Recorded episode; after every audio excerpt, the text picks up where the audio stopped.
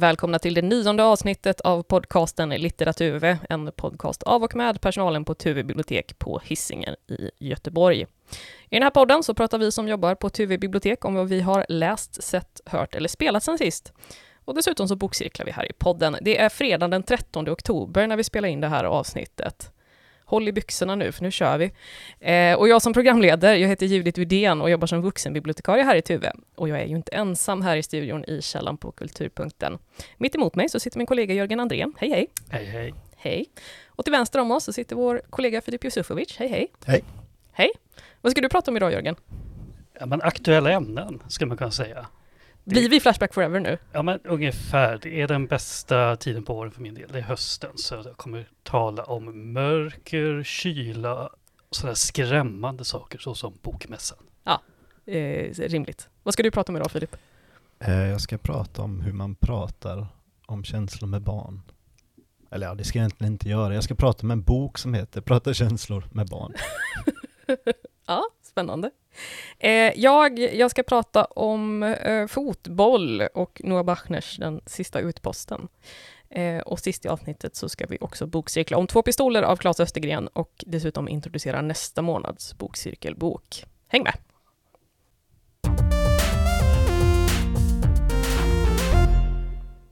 Mörker kyla bokmässa, Jörgen. Ja, men precis.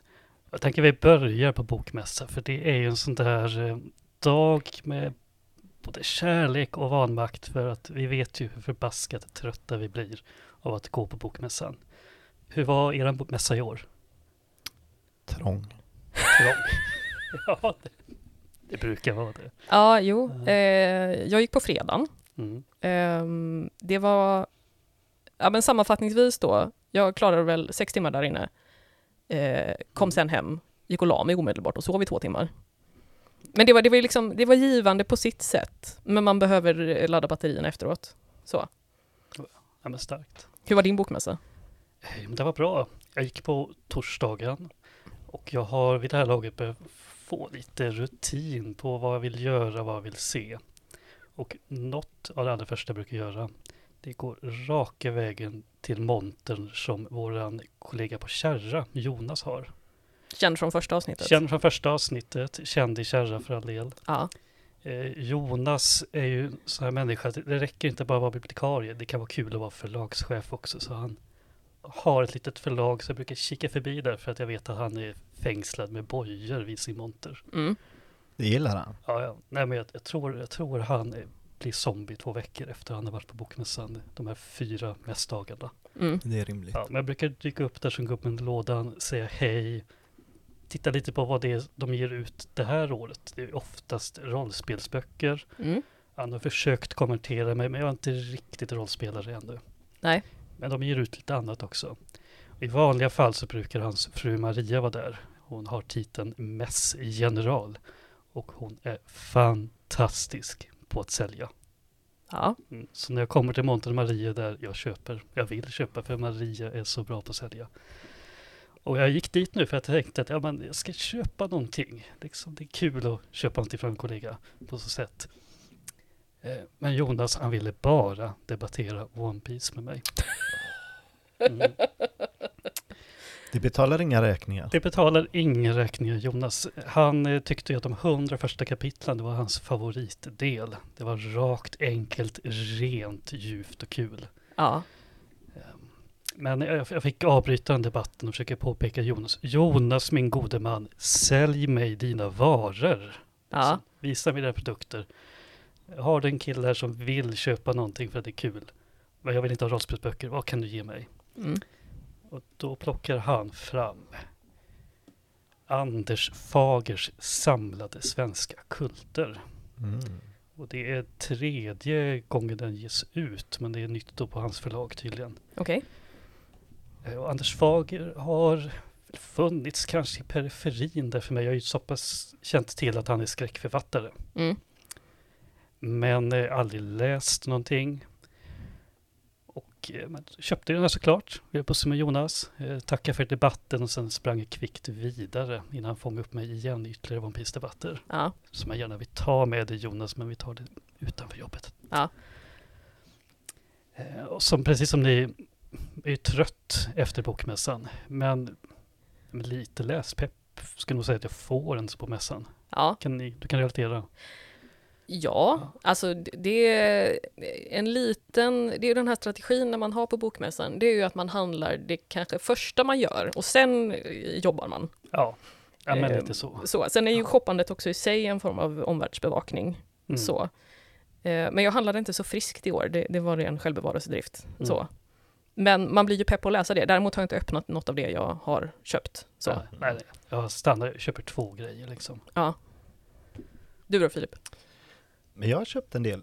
Alltså det blir alltid till barnen. De Mm. får ju alltid något från mässan. Och så till brorsdottern. Och sen lite till mig, bland annat den här Lo Dagermans eh, biografi över hennes föräldrar. Som jag är väldigt taggad på. Mm. Kul! Jag Kul. tror det. För precis som Judit, att jag är peppad med öppn- det tar ju ett halvår kanske innan jag öppnar det jag köpt. Men den helgen efter bokmässan så kände jag att plikten kallade. Jag borde läsa Claes Östergrens Två pistoler. Jag ligger efter i schemat. Och jag var inte så jättesugen på det. Vi kommer ju återkomma det senare. Jag hade 50 sidor hade tagit på den. Mm. Och jag kände att vad tusan, jag har 25 påbörjade böcker. Jag kan lika gärna öppna den här boken som, av Anders Fager som är en novellsamling med skräckberättelser. Okej. För att, ja, varför inte? Och det funkar väldigt bra. Det här var, jag tänker ibland böcker kring de som eh, är lite av en glöd, de som tänder läslusten och de som släcker läslusten. Ja. Eh, Fager funkade den helgen för att faktiskt få mig sugen på att läsa igen efter mässan och efter allt och ge mig kast med två pistoler och fick en bättre relation till den boken också. Mm. Ja, för Anders Fager är ju då skräck. Den är utgiven 2009 kom den här boken och han har fyllt den då av små skräcknoveller i ett Sverige 2010. Och premissen lite, vad, vad skulle egentligen hända? Hur skulle det se ut om det fanns furier i Borås? Så bara hans första novell är helt lysande att det är en danslog någonstans i skogen.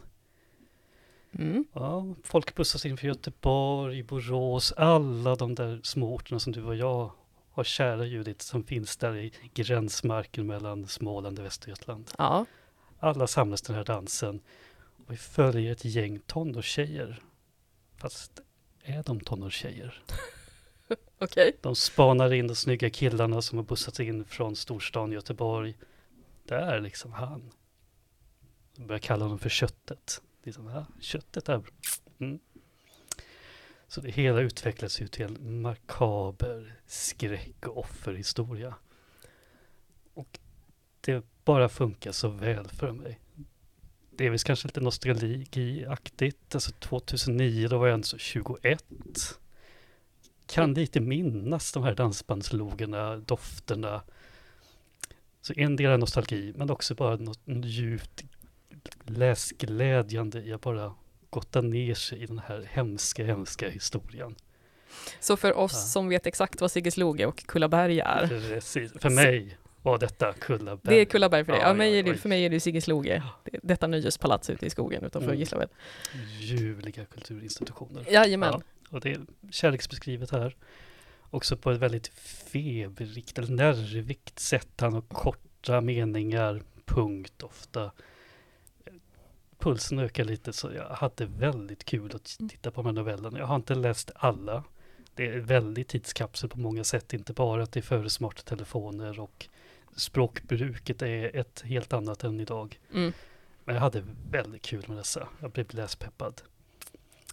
Men jag kom också till att undra lite grann att jag har ju suttit här i podden tidigare och sagt att noveller, jag vet inte, jag brukar bli stressad av dem, jag brukar tycka de är meningslösa ibland, jag börjar läsa är de slut. De experimenterar för mycket ibland. Noveller är hit or miss. Och ibland kanske också för att de känns för mycket jobb. Mm. Man läser igenom en novell för att man är på jakt efter någonting man kan nyttja i något jobbsammanhang. Men jag insåg då att skräcknoveller just, eh, de funkar för mig. Liksom jag läser ju noveller av Poe emellanåt och Lovecraft framför allt. Mm. Och så hittade jag en till här som bara är något tryggt att ta till när jag inte orkar läsa längre. När jag behöver någonting visst. För skräckfilm, till skillnad från ljudet, jag tycker skräckfilm är tråkigt för det mesta. Mm. För att jag vet premissen, det är en jakt, det är ett överraskningsmoment.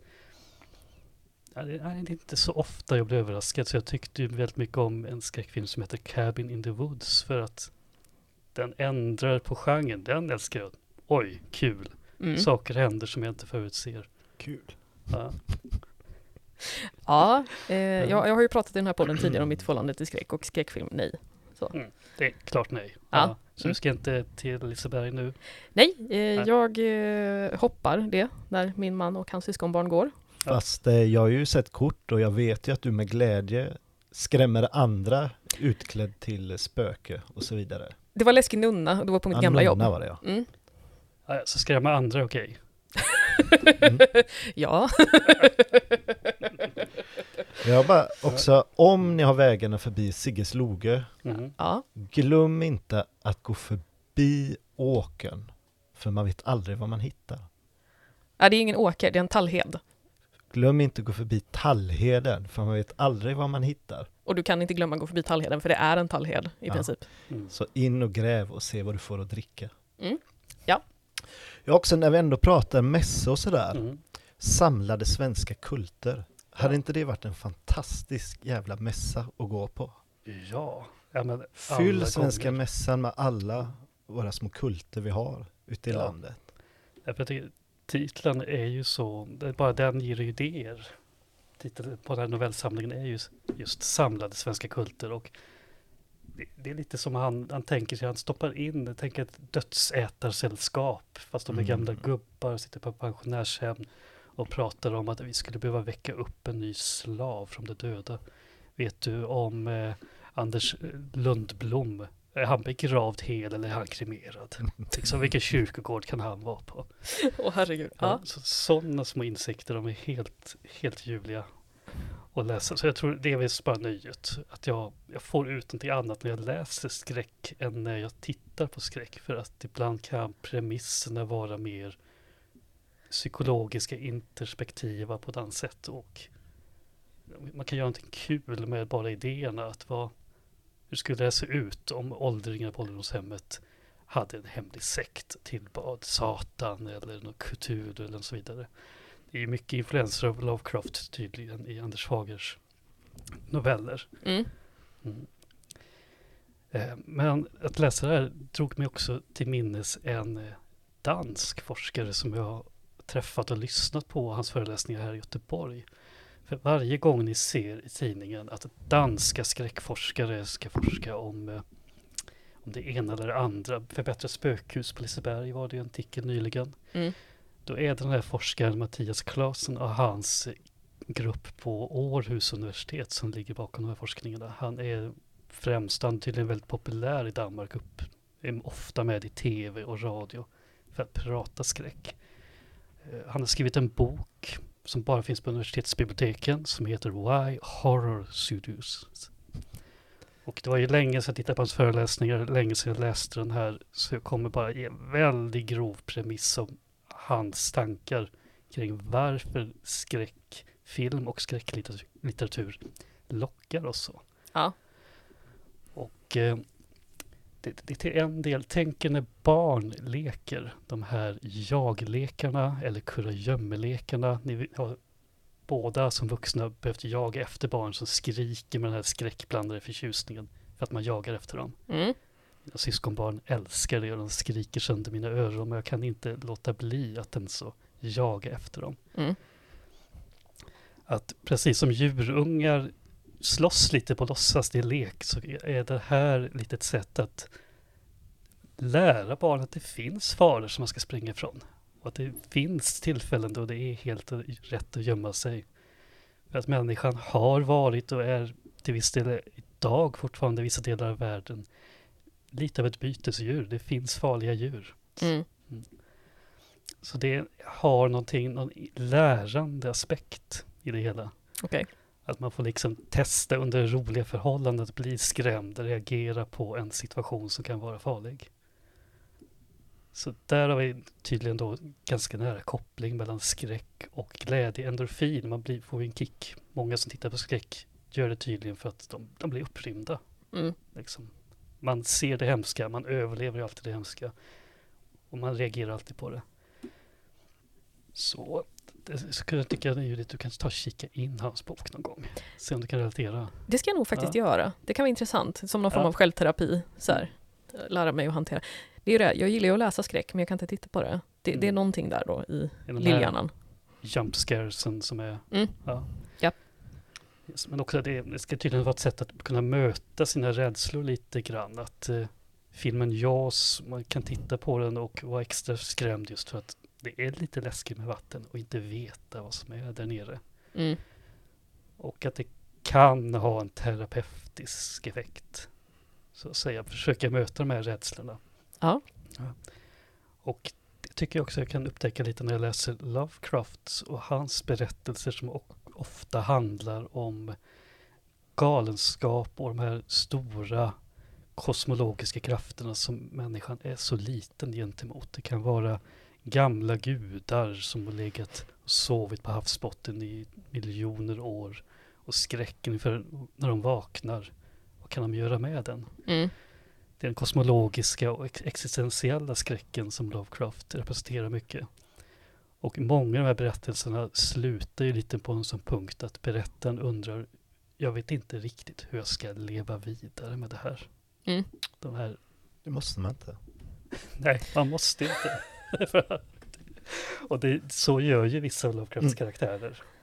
Eh, mer eller mindre öppet att nej, det här är någonting för stort och för skrämmande för mig. Ja. Jag tänker när man kör, oh, vad heter de, Mansions of Madness och Ja. eh, de här brädspelen, då har man väl den här, nu har det ett tag sedan jag spelade, men visst har man en galenskapsmätare Man har en som går upp ju mer man blir utsatt för saker tills Ja. man Tappar tappar det. det helt liksom. Ja, Okej. Ja, spännande. Bara, är det lite kul också att om man vill lära sig hur man verkligen skrämmer svenska barn Mm. på Liseberg, då tar man in en dansk. Det vill säga att ljudet sitter också i en väldigt fin eh, rödvit eh, tracktop Ja, för att fira den här danska, vad hette han? Eh, Mattias Klasen. ja. Precis. Han, han är väldigt charmig och lika nördig som både du och jag Filip. Mm. Mm. Och du Judith. Ja, fint. Ja, men eh, toppen. Så eh, läs skräck, möt era farhågor. Anders Fagers samlade svenska kulter är läsvärd och allting av Lovecraft, ska jag säga. Nästan allt av Lovecraft. Om, särskilt om ni vill tänka kring er existens. Där i mörkret och kylan. Mm. Bra oktobertips.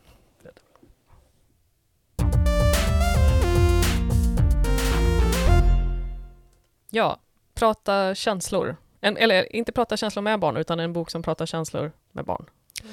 En bok som lär en hur man kan prata känslor med barn, Ja, som, kanske, som vuxen. som vuxen. Eh, den heter eh, Prata känslor med barn. Troligtvis har den undertiteln Känsloboken för viktiga vuxna. Lite oklart. Ja, Eh, den är skriven av Rehane Ahangaran som är utbildad psykolog, inriktad på KBT. Och jag tror hon, 2009 tror jag att hon var färdigutbildad inom det här, så hon har hållit på länge. mm.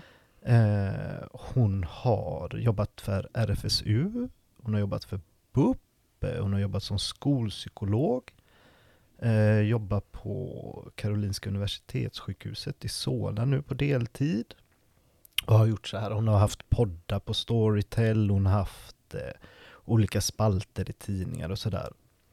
Så att hon är expert på riktigt så. Det är ja. inga killgissningar utan man kan Man känner att man kan lita på det hon säger och det är Ja. väldigt eh, liksom Det känns väldigt kompetent allting ja.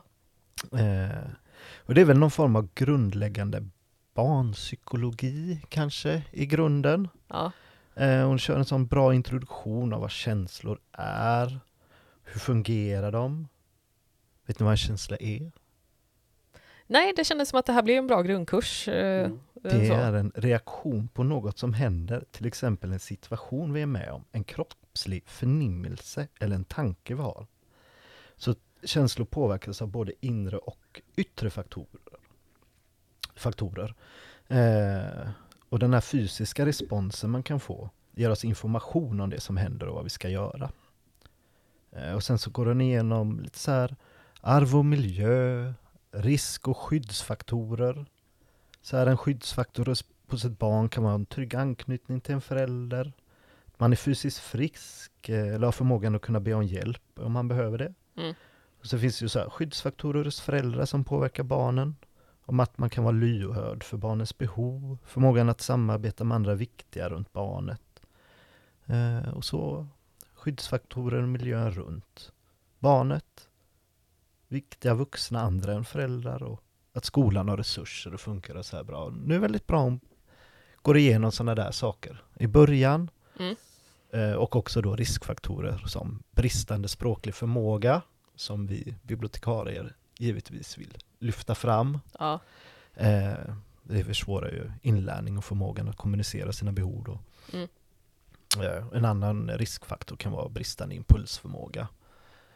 Men pratar de lite där om hur de här samspelar liksom. Så Mm. har man x antal skyddsfaktorer så kanske man hanterar de här riskfaktorerna man har i livet bättre. Vilket ju kan vara ganska skönt att läsa. Att man vet att det liksom, det finns saker som balanserar upp de här jobbiga sakerna som kan finnas i ens barns liv. Mm. Eh, och sen så kommer det olika kapitel, till exempel om oro, ångest, ilska, om kroppen, om barns sociala liv med mera. Eh, och jag kan ha som exempel eh, kapitlet om oro och ångest, eh, där hon förklarar kort vad oro och ångest är, hur det fungerar rent klor- eh, så kroppsligt, eh, med signaler i hjärnan, varför vissa är mer oroliga än andra. Det kan vara till exempel på grund av trauman eller faktorer i ens närmiljö. Eh, och sen går hon igenom några vanliga ångeststörningar. Och sen hur man kan prata med sina barn om ångest med specifika exempel. Liksom. Mm. Till exempel social ångest. Eh, och det mönstret går igenom eh, boken, liksom, att de går igenom olika problem och hur man kan prata med dem, om med barnen om dem och liksom så. Eh, praktiska exempel. Eh, och i slutet har hon ett eh, generellt kapitel som heter Hur pratar man då? För det kan ju vara en ganska svår tröskel att komma över. Komma Mm. igång och prata om sånt här med sina barn.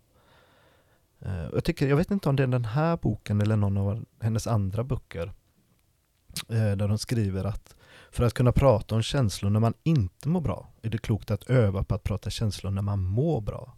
Så att bara att prata om de här vardagssakerna som händer i barnens liv, bara det kan ju vara som en skyddsfaktor att man faktiskt har de här samtalen om andra saker. Mm. Minska tröskeln. Eh, sen har hon ett kapitel om att söka hjälp. Eh, man kan ju inte som förälder kanske klara av alla situationer som dyker upp. Där det finns förslag på vart man kan vända sig som skolhälsovården och BUP och så vidare. Mm. Och såklart en litteraturlista på slutet och olika online-resurser. Eh, den är väldigt bra. Mm. Jag tänker att det är en sån bok som man, alla föräldrar, eller kanske alla som har barn i sin närhet, eller inte har det heller, borde läsa en gång. Och sen kan man gå tillbaka till den när vissa specifika problem kanske dyker upp i barnens liv, eller i sitt eget. Mm. Eh, Det låter som en sån där bra resurs man vill ha hemma i hyllan. ja men faktiskt, det här är faktiskt en av böckerna jag köpte på bokmässan. Ah, Ah. Jag hade, jag hade redan börjat läsa den Mm. eh, själv, men jag tänkte den här vill jag faktiskt ha. Den Ja. kan vara bra att ha Mm. den där kvällen när ens barn berättar någonting jobbigt som har hänt och man bara behöver ta sig samman och fundera på hur. Ja. Ska vi angripa det här? Hur ska jag hjälpa i den här situationen? Så alla som på något sätt har med barn att göra, liksom, egentligen borde läsa den kanske. Ja men faktiskt, och sen tänker jag alltså att den är så pass lättförståelig, pedagogisk och liksom tydlig på något sätt att jag tror nästan att alla vuxna har nytta av att läsa den här. Mm. Även för sin egen skull. Mm. Tror du att man eh, som vuxen, om man läser den här, kan man få en förståelse för sig själv och sin egen barndom också? En liten fingervisning om Ja men kanske. Ja. Det tror jag. Eh, Så här, Ja. kom för, själv, kom för liksom praktiskt föräldraskap, stanna för allmän självkännedom Ja. på något sätt. Jo men jag tänker, för nu har jag lite den här biblioterapiföreläsningen vi var på i veckan i bakhuvudet där, just att ja, men vissa saker kan få en att förstå saker Mm. bakåt i tiden. Så det är absolut, det tror jag. Och sen får vi säga, hon har ju skrivit, det här är ju absolut inte hennes första bok. Hon har skrivit en rad, bland annat känsloboken för dig som går på lågstadiet. Den har ju många av de här kapitlerna eh, som finns i känsloboken för vuxna, Mm. eh, men i liksom basic, väldigt nedkokat för att barn ska själva kunna läsa och förstå. Ah, Den har jag läst för mina barn och pratat om. Den var väldigt bra. Den har ju också lite sådär frågor på slutet som man kan ta upp med barnen. mm. Eh, hur känns det här för dig? Har du exempel på ditten och datten? Ja. Så den kan nog också vara bra om man vill börja prata med Ja. sina barn. Och sen eh, har de precis kommit med en ny bok som heter Kompisboken. Den fick jag idag. Så jag har inte hunnit bläddra i den ännu. Ja. Men den handlar om hur man blir kompis med någon. Vad gör Ja. man om det blir tjafs? Och när är det läge att be om hjälp från någon vuxen? Jag tänker att den här, det känns som att man kan ha användning för den här själv också. Ja, som vuxen. Ja, det, är nog, det är nog en av de här stora frågorna. Hur skaffar man kompisar i vuxen ålder egentligen? Det är bara konstigt. Ja. Startar en bokcirkel på sitt lokala bibliotek. Det- Startar en podd. ja, jo men absolut. Eh, Nej men absolut stor fråga så sett. ja. Det är väl till viss del kanske lite vårt samhällsuppdrag också att ge arena att man ska kunna träffa nya människor. ja, absolut. Bokcirkeln. Mm. Eller bara vara en plats där man kan komma till kravlöst på något sätt utan Ja, någon... kan börja byta några ord med personer som har Göteborgs-Posten. Ja, Liksom man vill. Man vill vänta i sin tur men prata lite artigt. precis. Ja. Mm. Mm. Men vad fint. Hur, var, sprang du förbi montern bara eller hur? Eller hade, var det någon monter för, från förlagets sida eller var det författaren själv eller? Nej, nej, det var förlaget. Ja. Eh, Det är Rabén Sjögren tror jag. Norstedts är det. Mm. Men de är väl, hänger väl ihop, jag tror att de är i samma monter. Inte omöjligt, jag har svårt att hänga med i förlags-Sverige. Så att, ja. ja men toppen, till alla. Till alla. Boktips till alla.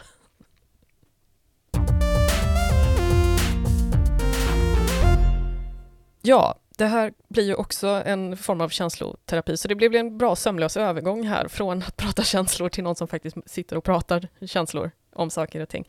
För att den här läsmånaden har ju varit lite så här halvskral. Jag tror att det på ett sätt också har lite med bokmässan att göra. Man blir lite eh, trött i huvudet. Så, så att jag, jag ger det några veckor till och sen kommer jag börja läsa allt som jag ändå köpte på mässan och såg och tyckte verkade häftigt så.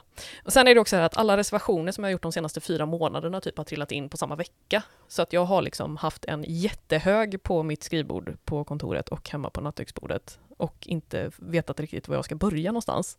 Känner ni igen det? Ja. Ja. Mm. Och bevisligen hjälper det inte att vara personal för man undviker inte det problemet ändå. Nej, Nej. precis. Det, det händer alla. Det är nog en av de här vanligaste småpratsgrejerna som man kan stå i disk och bara, ja ah, men nu kommer allt samtidigt. Man bara, ja men det, det är någon kosmisk regel som gör att det blir så. Jag måste bara ge cred till en låntagare förra veckan. Ja, Hon är den klokaste människan jag har träffat. Hon, gick, hon hade koll på sina reservationer.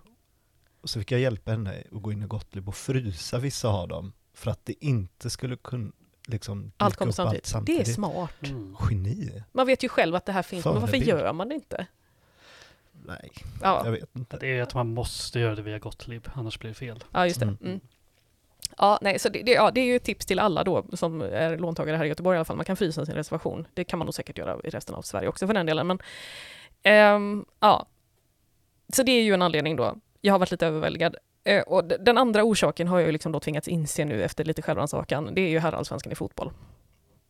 Den här hösten, eller året, har varit lite förödande för min läsning kan man väl säga.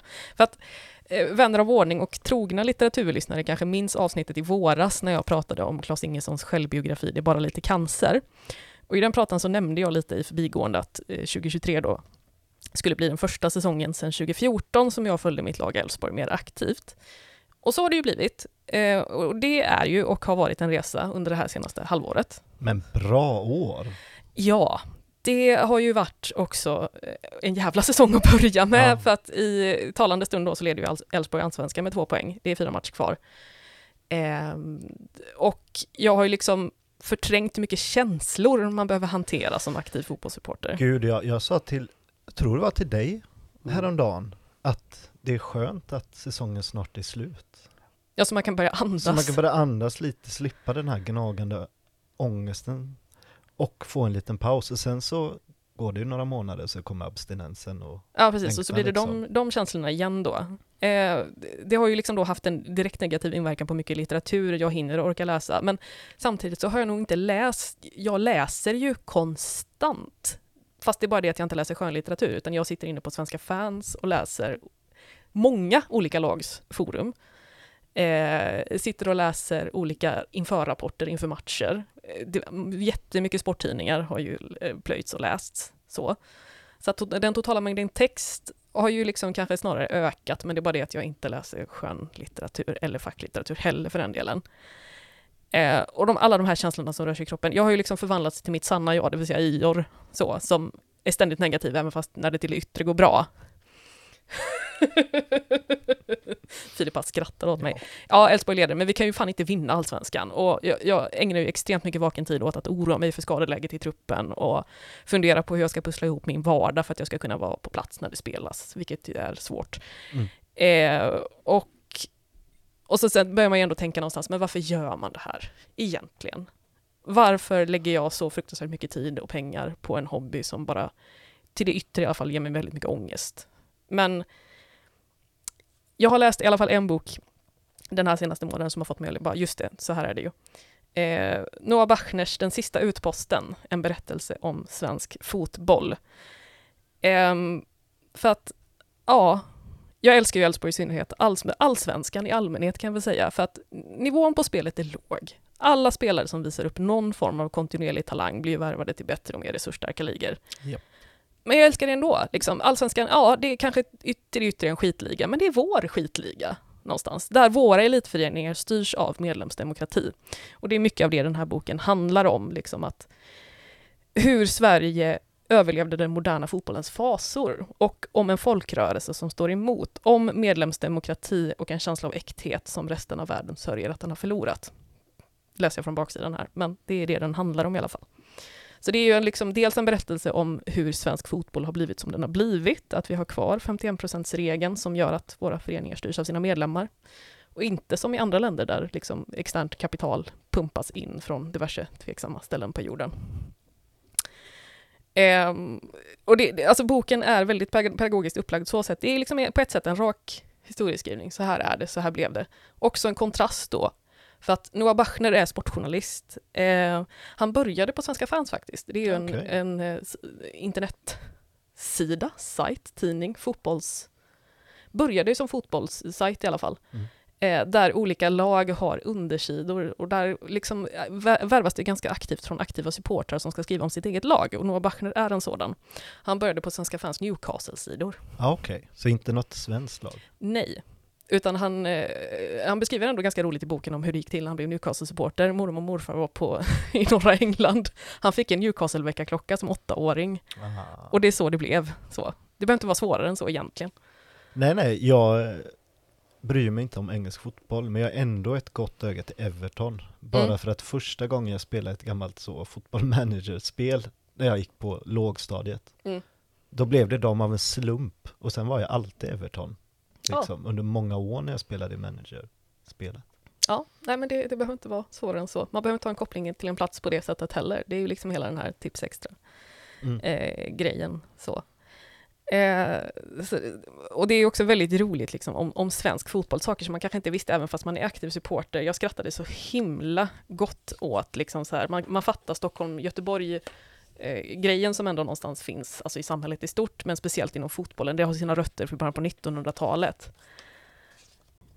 Ja, i bokens andra kapitel så beskrivs här då liksom att fotbollsledare från Stockholm och Göteborg tjafsar för att det är svårt att få till en nationell serie. Vi är ju nu i början på 1900-talet i Sverige. Eh, och det är ändå då ännu svårare att få till ett fungerande landslag. Vilka ska representera Sverige?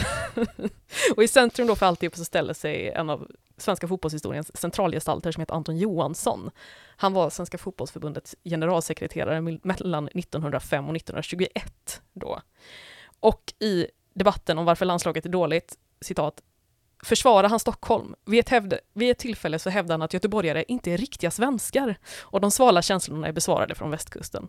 När Sverige arrangerar OS 1912 kallar, kallar IFK Göteborgs starke man Karl Helgesson Råsunda IP, där en del matcher ska spelas, för ett träsk på bondlandet och säger att det är som att anordna en hovballett i en potatiskällare. Så det är mycket sådana starka goa anekdoter i den här också. Så det har varit väldigt rolig läsning. Kön är väldigt lång till den här boken såg jag bara när jag tittade häromdagen. Eh, så att man kan få stå i kö ett tag. Men... Ja, jag är en av dem nu, efter, ja. efter att du har pratat om den här redan på kontoret. Liksom. Ja, jag satt och väste av skratt lite, så det var härligt. Eh, ja, och när vi spelar in nästa avsnitt så är ju allsvenskan avgjord och vi får se hur det här går. Men eh, ja, jag är ändå väldigt glad och tacksam över på ett sätt att det inte har blivit så mycket läst, men jag ser också ändå fram emot säsongslutet och kanske jag ska börja bli människa igen. Mm. Mm. Och Jörgen bara sitter och ler i mjugg. det, det, är roligt att ni har roligt. Ja. Vi kommer ta med dig på fotboll någon gång. Jag ser fram emot Du kommer det. inte kunna fly undan.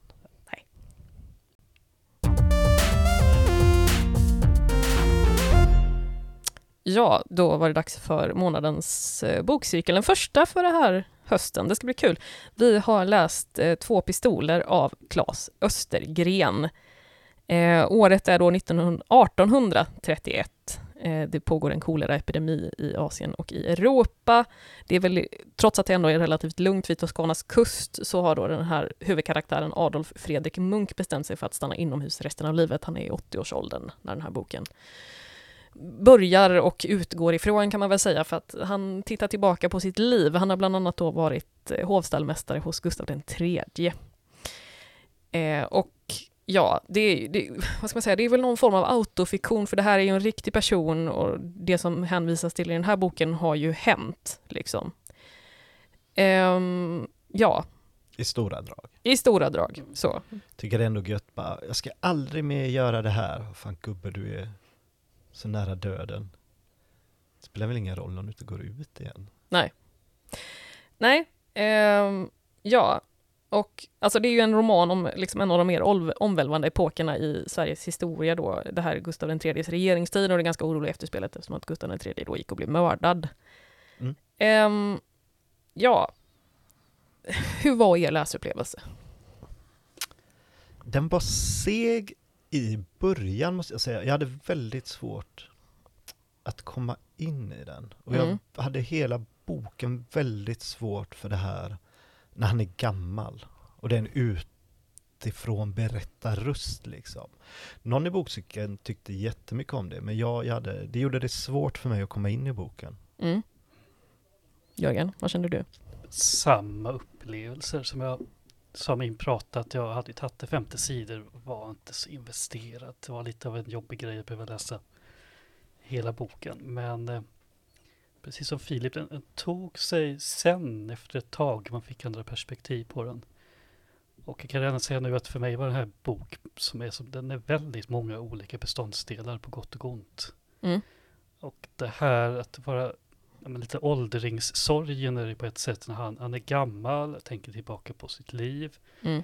Jag brukar tycka om sånt i vanliga fall. Jag läser sådana skildringar och tankar kring livets slutskede och vad man har gjort i livet och val man har gjort. Men eh, jag tror en del har varit texten som var lite vägen för mig. Jag kände ibland att jag hade svårt att förstå den här sidan jag läst. Vad och vem var det som åsyftades här? Mm. Och så det blir väl lätt så när det är en jobbbok att man bara, nej, jag orkar inte ta om det, jag fortsätter bara. Så alltid när det var just Munk som gammal så ibland lät jag bara bestå. Men där tror jag också det finns en metaaspekt i när han är gammal också. Men vi kan spara den diskussionen till lite senare. Nej men kör, det här tycker okay. jag låter spännande. Eh, jag tycker det blir påtagligt framförallt i slutet av boken att men det, det, är väldigt mycket meta och att berätta en annan människas historia. För att Munk i sig när han berättar om dialogen och svart mellan kungen och hans närmsta eller kungen och drottningen. Då lyfter den åhöraren som Munk har när han sitter här gammal, lyfter frågan, är det kanske dig själv du pratar om här? Mm. Eller är det dina ord som du har lagt på de här människorna du berättar om? Ja. Och det är lite vad Claes, ja det är ju vad Claes Östergren gör också. Han skapar Munk, lägger sina ord i Munk. Ja, det blir Ja. mycket. Så det blir jättemycket meta Ja. Mm. på det hela. Och eh, historiebeskrivningen och Munks eventuella eh, barn, relationen till dem. Och, och sen en intressant sak jag upptäckte när jag gjorde lite research på boken. Det var, visste ni att den här boken bygger på en pjäs som eh, Östergren har skrivit? Jajamän. Ja. Som Va? Den Yes. heter, Eh, Gustav IIIs äktenskap har skrivit. jag du vet, Gustav tredjes kärleksliv. Någon av Ja. oss har rätt, någon av oss har fel. Någon Men den ligger på öppet arkiv. Yes, för det blir ännu lurigare. Det är en pjäs och det är tv-manus. Mm. Så att det finns då på SVTs Play, öppna arkiv. Det kan vara så att pjäsen är en sak och tv-grejen inte är en sak. Men en av eh, deltagarna i bokcirkeln tyckte också att det var lite svårt att engagera sig i boken för bara han, det här har jag ju, Ja. känner igen allt det här, jag är redan, I've eller, seen eller vet jag har Ja. sett det här. Ja, Ha, det Ja. visste jag inte. Nej. Sådär. men det, det förklarar så mycket plötsligt. Ja, det gör att- det. Att det var sådana tydliga beståndsdelar. För när jag läser om kungen och drottningen, det var ju då jag blev investerad på något sätt. Mm.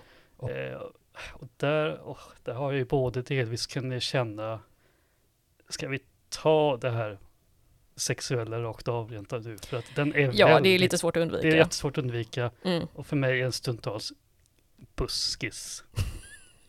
Jag vet inte vad som är i kyrkan, men den är lite, jag blir lite tonårsfnittrig ibland. Jag är å ena sidan investerad i kungen och drottningens eh, relationer och den börjar prata, det går väldigt fort, det är nästan lite grann som en Romeo och Julia speed.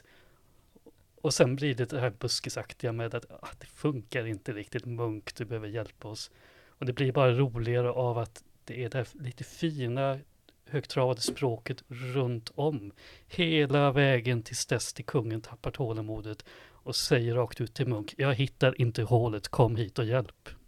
Också, och att han verkligen har koll på vilken kåtbock Munk är liksom. Ja. Är det någon som ska hjälpa med det här, Mm. då är det den gode Munk. Men gode Munk, så det här hade kunnat vara en pjäs på vallarna Ja, jag hade tänkt, hade den tanken också ett Ja. par gånger medan jag läste liksom någonstans. För att det, handlar, det, det bygger ju ändå på någon form av historieskrivning där Adolf Fredrik Munk då fysiskt hjälper dem att fullborda sitt äktenskap. Mm.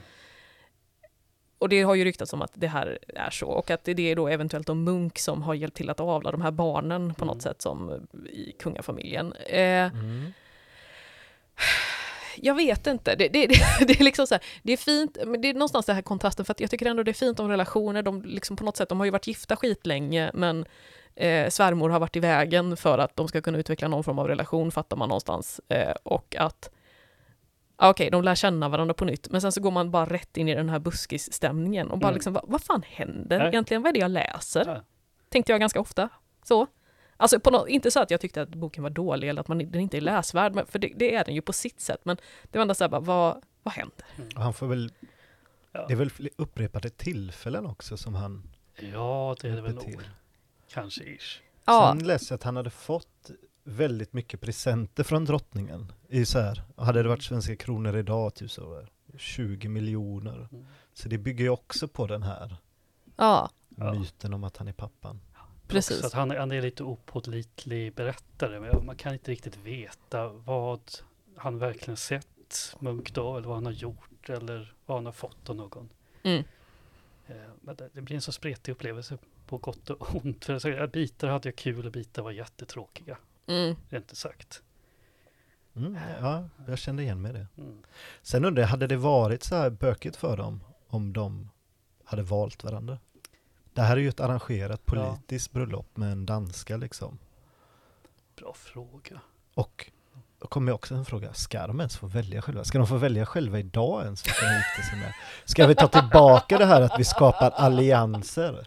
Och är det bara med monarkier? För det finns inte så många kul monarkier. Och det är Charles den tredje typ som är över, över hälften av världens monarkier, så det är inte så många. Ja, val eh, ja, spännande att det här ändå blev en republik, republikanism. Är det en grej? ja, Ja. kanske. Jag Nej. vet inte. Ja, Men, nej, jag vet inte, men...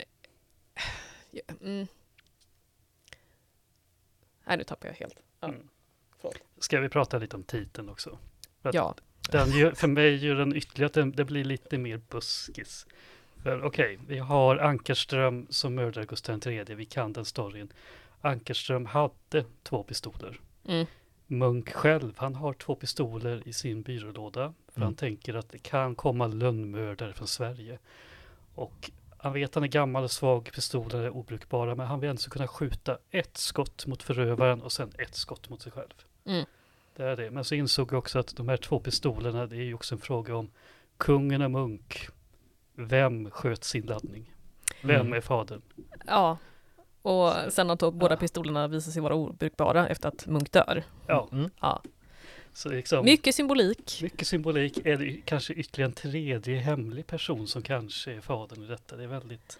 Ja, Ja. ja, det var mycket där på slutet som jag kände bara, jag, jag fattar faktiskt inte. Ja. Det är kanske är jag som är dum eller läste och var stressad för att alltså, så här, min läsupplevelse var mest bara, nu måste jag få det här gjort, nu plöjer vi. Mm. Som kungen sa. Eller, det Nej, var men min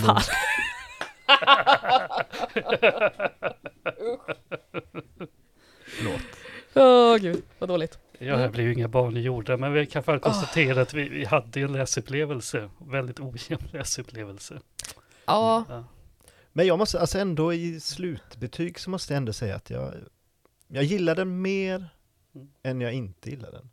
Och sen tyckte jag det var intressant det här med att de vaccinerar den lilla prinsen. Mm. Kommer ni inte ihåg det? De Eh, ympar ju in ja. lite, vad är det, smittat blod? Jag har, det är väl någon eh, Ja, det var någon, någon koppling eller vad det var. Ja. Jag fatt- fattar inte riktigt det heller. Liksom. Men det är ju någon, jag kommer inte ihåg eh, exakt vad det var som gick ute i samhället. Någon form av smittkoppor, antar jag. Ja. Mm. Som de droppar väl i lite smittat blod i, antar jag. Jag har ingen aning. Ja. Men det här är ju redan slutet på 1700-talet. Ja. Det är fett. När uppfanns vaccinet? Gud, nu Ja, känner man, man, man bara så här, skyltar med all okunnighet man besitter. Eh, Alltså, jag, ja, men jag, det är väl någonstans så här, jag, jag tycker ju... Jag är nog mer 50-50 så här bara, ja, det, det var ju en läsupplevelse. Hade jag kunnat vara utan den? Mm, ja, på ett Mm. sätt. På ett annat? Ja, okej, det var intressant. Liksom. Blir ni intresserade av att se eh, tv-varianten då, som finns på SVT? Kanske för att kolla om den är buskis. Ja, kanske. Ja, men jag, jag blir nyfiken enbart utifrån min idé utifrån boken. Det känns som att den här kanske inte riktigt hade behövt göras på det sättet. Jag känner ju inte till Östergrens tidigare böcker. Jag vet inte hur han brukar skriva eller hur han experimenterar. Men jag, upplevde den här som lite ett experiment. Och att därför för mig en ojämn att den kanske vore, hade jag mer behållning av den om jag hade läst manuset till pjäsen eller sett tv-serien. Jo, ja. För att de bästa bitarna tycker jag är ändå dialogerna. Mm. Och det är då det plötsligt är, ja men det är klart det är en pjäs. Det är klart att här finns så mycket sagt och osagt mellan personerna och därför, Ja, precis. Man vill Men- se gestaltat på scen nästan för att fatta. Men Ja. jag, jag vet inte om det var i bokcirkeln eller med någon av er jag pratade om, är det här någonting han har slängt ihop när han har varit i en svacka liksom? Fan jag lyckas inte producera någonting, men jag, jag behöver få ut en jäkla bok liksom. Ja men jag tar fram det här gamla manuset och så skriver jag om det till en roman liksom. Mm. mm. Apropå bokcirkel, vad, vad var liksom känslan i din bokcirkel när ni hade er träff? Men jag tror att de flesta gillar den och var otroligt mer kunniga när det gäller kungahus än vad jag var. Mm. Mm. Det är ju markant skillnad där. Ja, De hade ju mycket kunskaper apropå eh, Kungen har ju, det har ju gått den här dokumentärserien Nu om kungen, alltså våran nuvarande kung Mm. Där de kunde briljera med mycket kunskaper om kungafamiljen liksom som jag bara fick sitta och skämmas för att jag har så dålig koll. Ja, Ja. spännande. Mm. Visste ni att det finns en gömd staty av Gustav III uppe vid Näckrosdammen? Nej. Ja. Att den är gömd på så sätt i buskage där. Det är nästan som en liten dunge. Man får veta att den är där eller så får man bara snubbla in på den. Men det är ett byst av Gustav III. Är det nere där mot eh, dammen eller? Ja, precis. Ja, men väldigt nära vattnet. Jag har druckit så otroligt mycket folköl där, men jag måste ha sett den här utan att tänka på den. Säkert, alltså den är, den är väldigt anonym ska jag säga. Eh, Men jag bodde där omkring under den tiden och var nyfiken på vad är det där, varför finns den? Och det är en sorts eh, tackmonument eller minnesmonument till Sveriges goda relation med Förenta Staterna i Amerika. Alltså nu kommer Ja. minnen tillbaka, jag vet exakt vart Du den vet. står. Exakt. Jag var, de här folkölen var när jag var 12, eller 18 plus Mm. såklart, men ung. Eh, jag vet exakt, vi måste dra Ja. upp den här på den här eh, Vi satt ju igår och kollade för det var Myrans födelsedag. Jag vet Ja. att du visade Myran för våra nya vikarie. Den är ju med på den här, vad heter den, Göteborgs konstkart eller vad heter den? Mm. Vi får gå in där Ja, efteråt så och där kan man kika in. Så det var det restes då 1910, 20 någon gång för att eh, Gustav III var tydligen första statsöverhuvud som erkände amerikanska s- staterna. Jaha. Liksom, eh, vi var ju i Sverige på den tiden var ju ganska franskt. Det var mycket det franska Ja, influerade. just det. Mm. Frankrike var fortfarande ganska stora och var i luven på britterna så därför hjälpte ju fransmännen kolonierna att slå sig fria. Ja, just det. Mm. Ja, så, Och så Frihetsgudinnan som tack. precis. Ja. Men då ska alltså Gustav III varit den första som ens överhuvudtaget erkände, ja men eh, ni, klart att ni är era egna nu och inte är under Storbritannien. Se där. Så därför finns det tackmonumentet. Så där kan man gå och dricka öl tydligen. Mm -mm. Ja. Ses där klockan 17. Ja, det är fredag. Yes.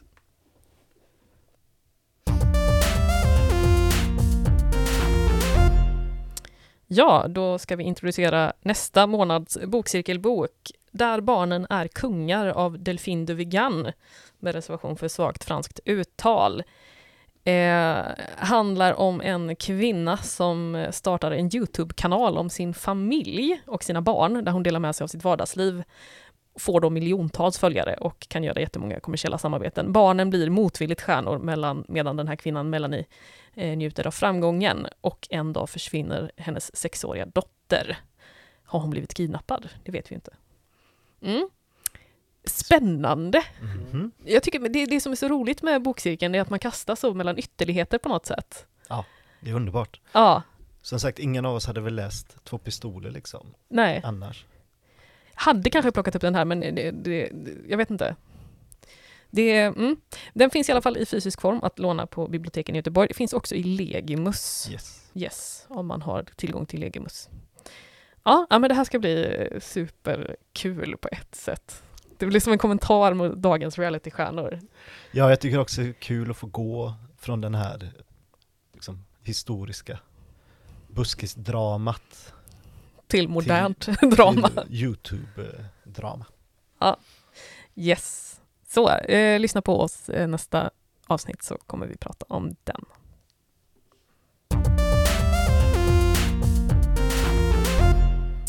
Ja, då var vi klara för idag. Tack till er som har lyssnat och tack till Fritid på Norra Hisingen här i Tuve som låter oss låna studion och utrustning. Tack till artisten The Boff JR för vår fina jingel som heter Utsikt från Lunden. Vi ska lyssna på den en gång till. Egentligen vill artisten kalla sig för Lena Philipsson, fast inte den Lena Philipsson som har ont en stund på natten men inget på dagen och har tvingats vänja sig vid, att, vid det bara för att hon har klarat sig rätt länge och börjar bli van och som behöver vara i en tillvaro där folk omkring inte märker någonting. Men The Boff gör får duga. Vi hörs igen i slutet av november. Ha det gött så länge fram tills dess. Hej hej!